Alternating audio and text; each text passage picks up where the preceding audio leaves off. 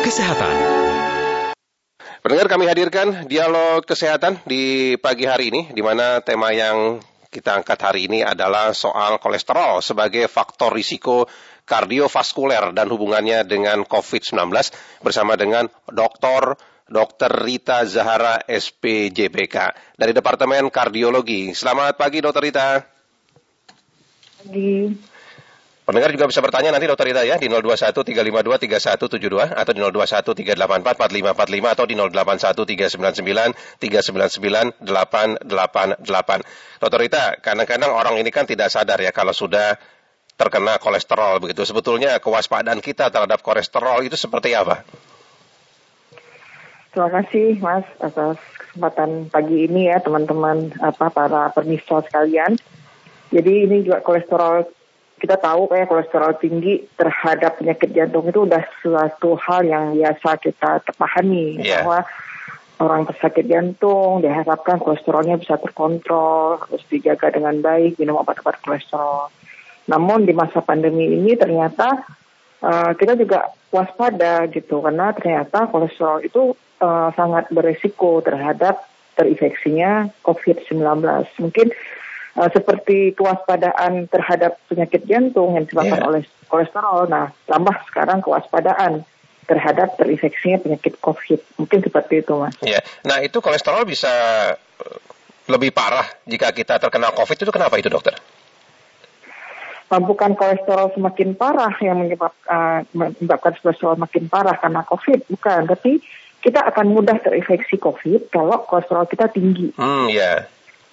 Ya. Jadi gitu. di, di sana kalau, begitu ya kolesterol kita yang jadi penyebab itu bisa menjadi tinggi begitu ya kalau terkena COVID begitu dokter ya? Ya, benar, benar. Jadi bukan karena gara kita COVID terus kolesterol kita naik ya. atau sebab itu bukan, tapi gara-gara kita sakit kolesterol kita yang tidak terkontrol, uh, kita mudah terinfeksi infeksi uh, virus ini gitu. Ya. Nah, kalau sudah tinggi seperti itu, kemudian resiko yang akan kita alami seperti apa, dokter?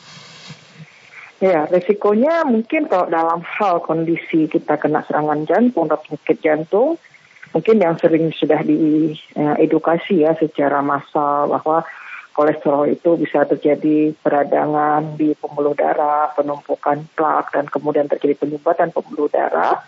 Nah, kalau untuk penyakit COVID itu hampir hampir sama karena adanya peradangan di situ dan ternyata reseptor yang membuat virus itu berkembang dan yeah. masuk ke pembuluh darah kita sama di dalam pembuluh darah yang diradai teradangi oleh kolesterol tersebut gitu mas.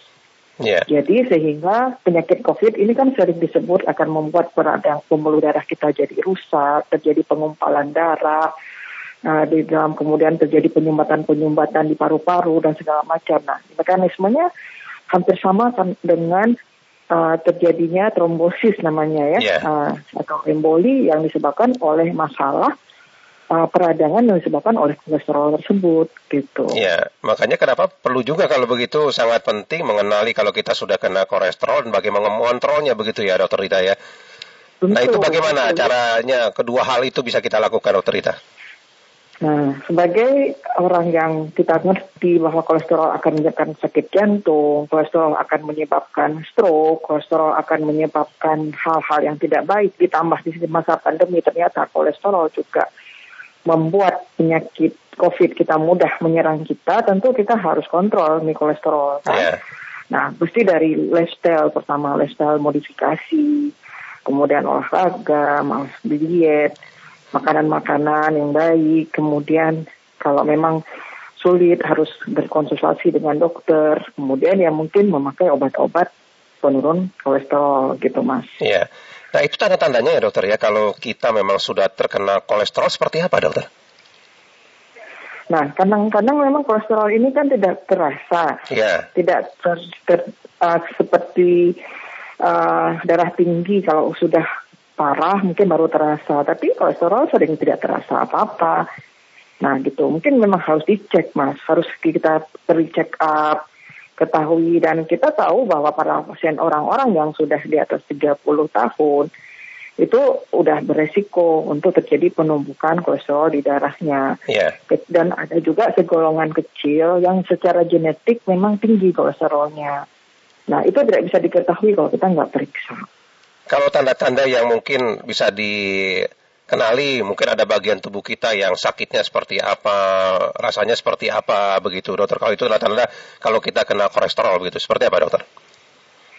Nah itu tidak terlalu spesifik iya. sebenarnya, yeah. tapi kalau misalnya kita obes gitu ya berat badan kita meningkat gitu kita itu berarti resiko metabolic syndrome nah salah satu metabolic syndrome itu adalah kolesterol yang tinggi kemudian uh, mungkin badan yang tidak nyaman mungkin ya uh, tapi tidak spesifik tidak bisa digambarkan karena ada yang begitu ada yang, yang tidak gitu yeah. cuman mungkin ada perasaan badan sudah tidak mulai tidak nyaman kemudian usia sudah mendukung, terus uh, kita tahu berat makan kita juga nggak terkontrol.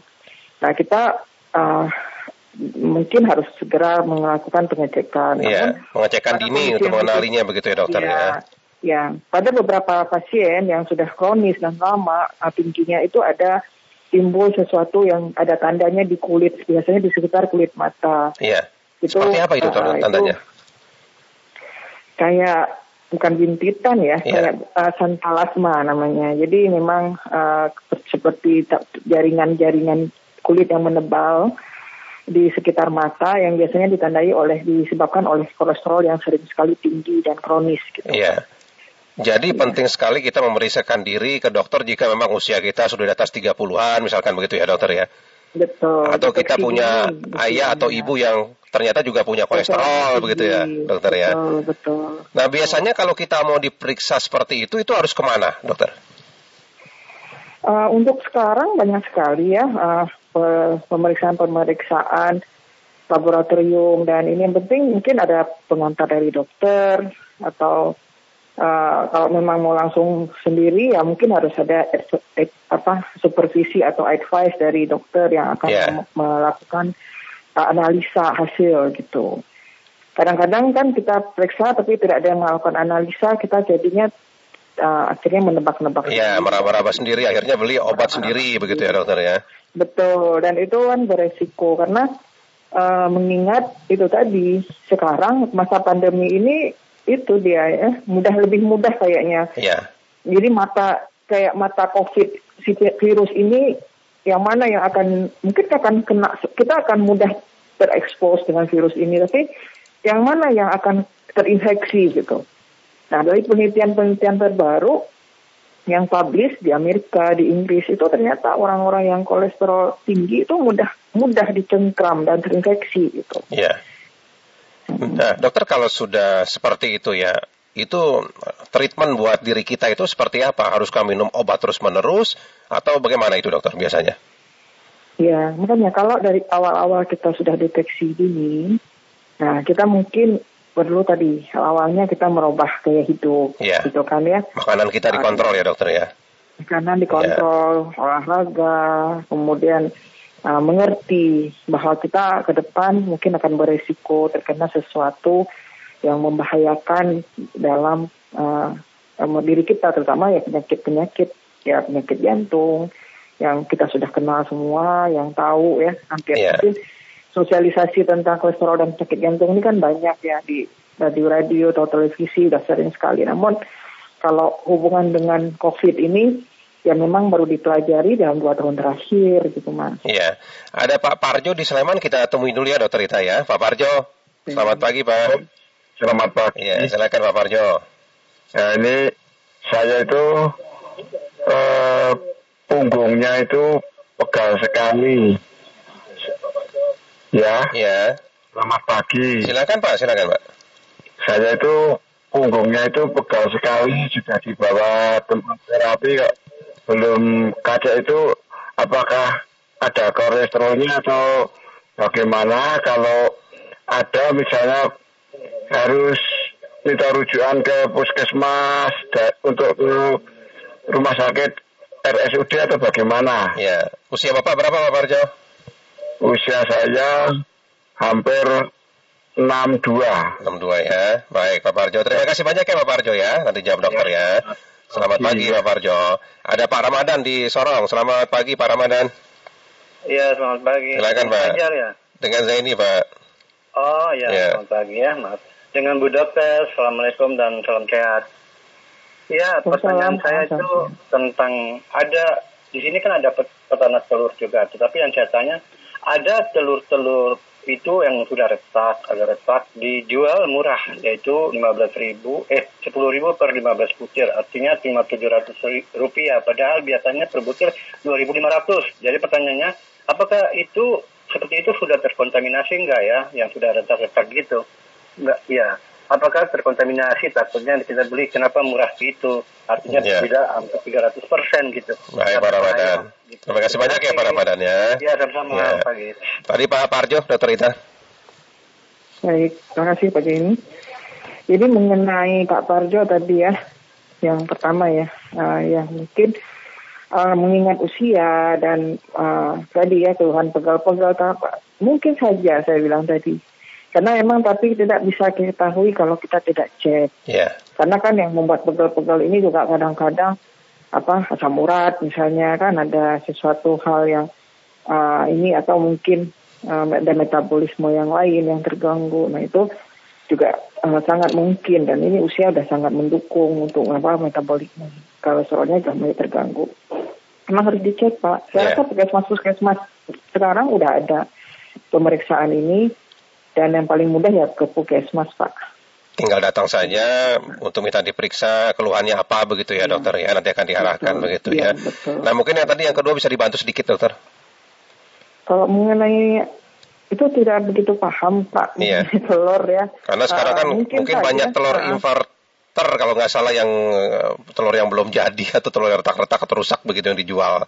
Nah yang ditanya tadi apakah itu ada potensi terkontaminasi begitu? Terkontaminasi dengan apa maksudnya Pak? Nah itulah Jadi, mungkin mungkin uh, baik dokter kalau begitu kita lewatkan saja dokter ya. Terima kasih banyak dokter. Ada Pak Oni di Bantul Pak Oni. Selamat pagi Pak Oni. Selamat pagi. Ya Selamat silakan. Pagi, ini begini, saya mudah-mudahan ini bermanfaat bagi pendengar sekalian, khususnya penderita jantung saya usia 67 tahun ini. Iya. Dan sudah didiagnosis jantung koroner. Dan tiap tiap bulan saya kontrol. Lalu yang selanjutnya terasa di dada itu sering terjadi nyeri-nyeri.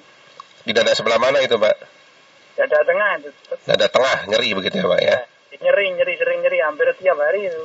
Iya. Nah, saya kontrol tiap bulan, tiap hari minum obat. Yang saya tanyakan ini dokter, pola bagaimana ya supaya saya saya sudah minum obat tapi nyerinya terus kata dokter kata dokter itu ya ibu obatnya jangan berhenti maksud saya itu pola makan bagaimana atau saya harus bagaimana itu yeah. karena ya ini sudah artinya mudah-mudahan ini jadi pembelajaran jadi saudara-saudara kita pendengar sekalian kolesterol mungkin sudah tinggi. Saya kira bertanya saya gitu. Ya baik, terima kasih banyak Pak Oni. Selamat pagi Pak. Ya. Bisa dibantu mungkin dokter silakan.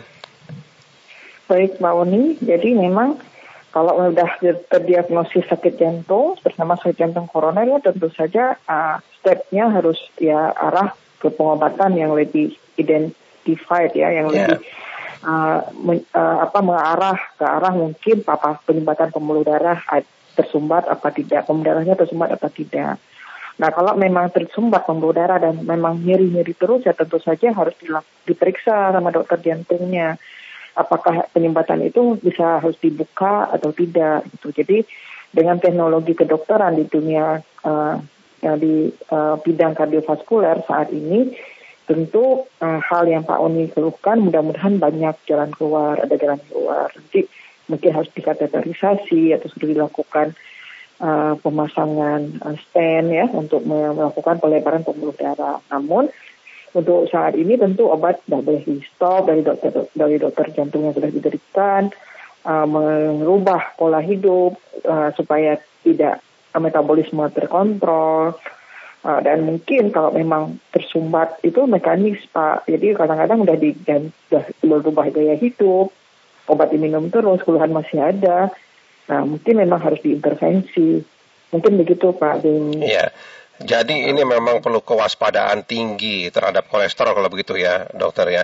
Tapi saran dari dokter ya bagi kita begitu yang memang harus waspada dengan kolesterol apalagi usia sudah di atas 30-an makan juga tidak teratur begitu. Itu uh, apa saran atau tips dari dokter Rita?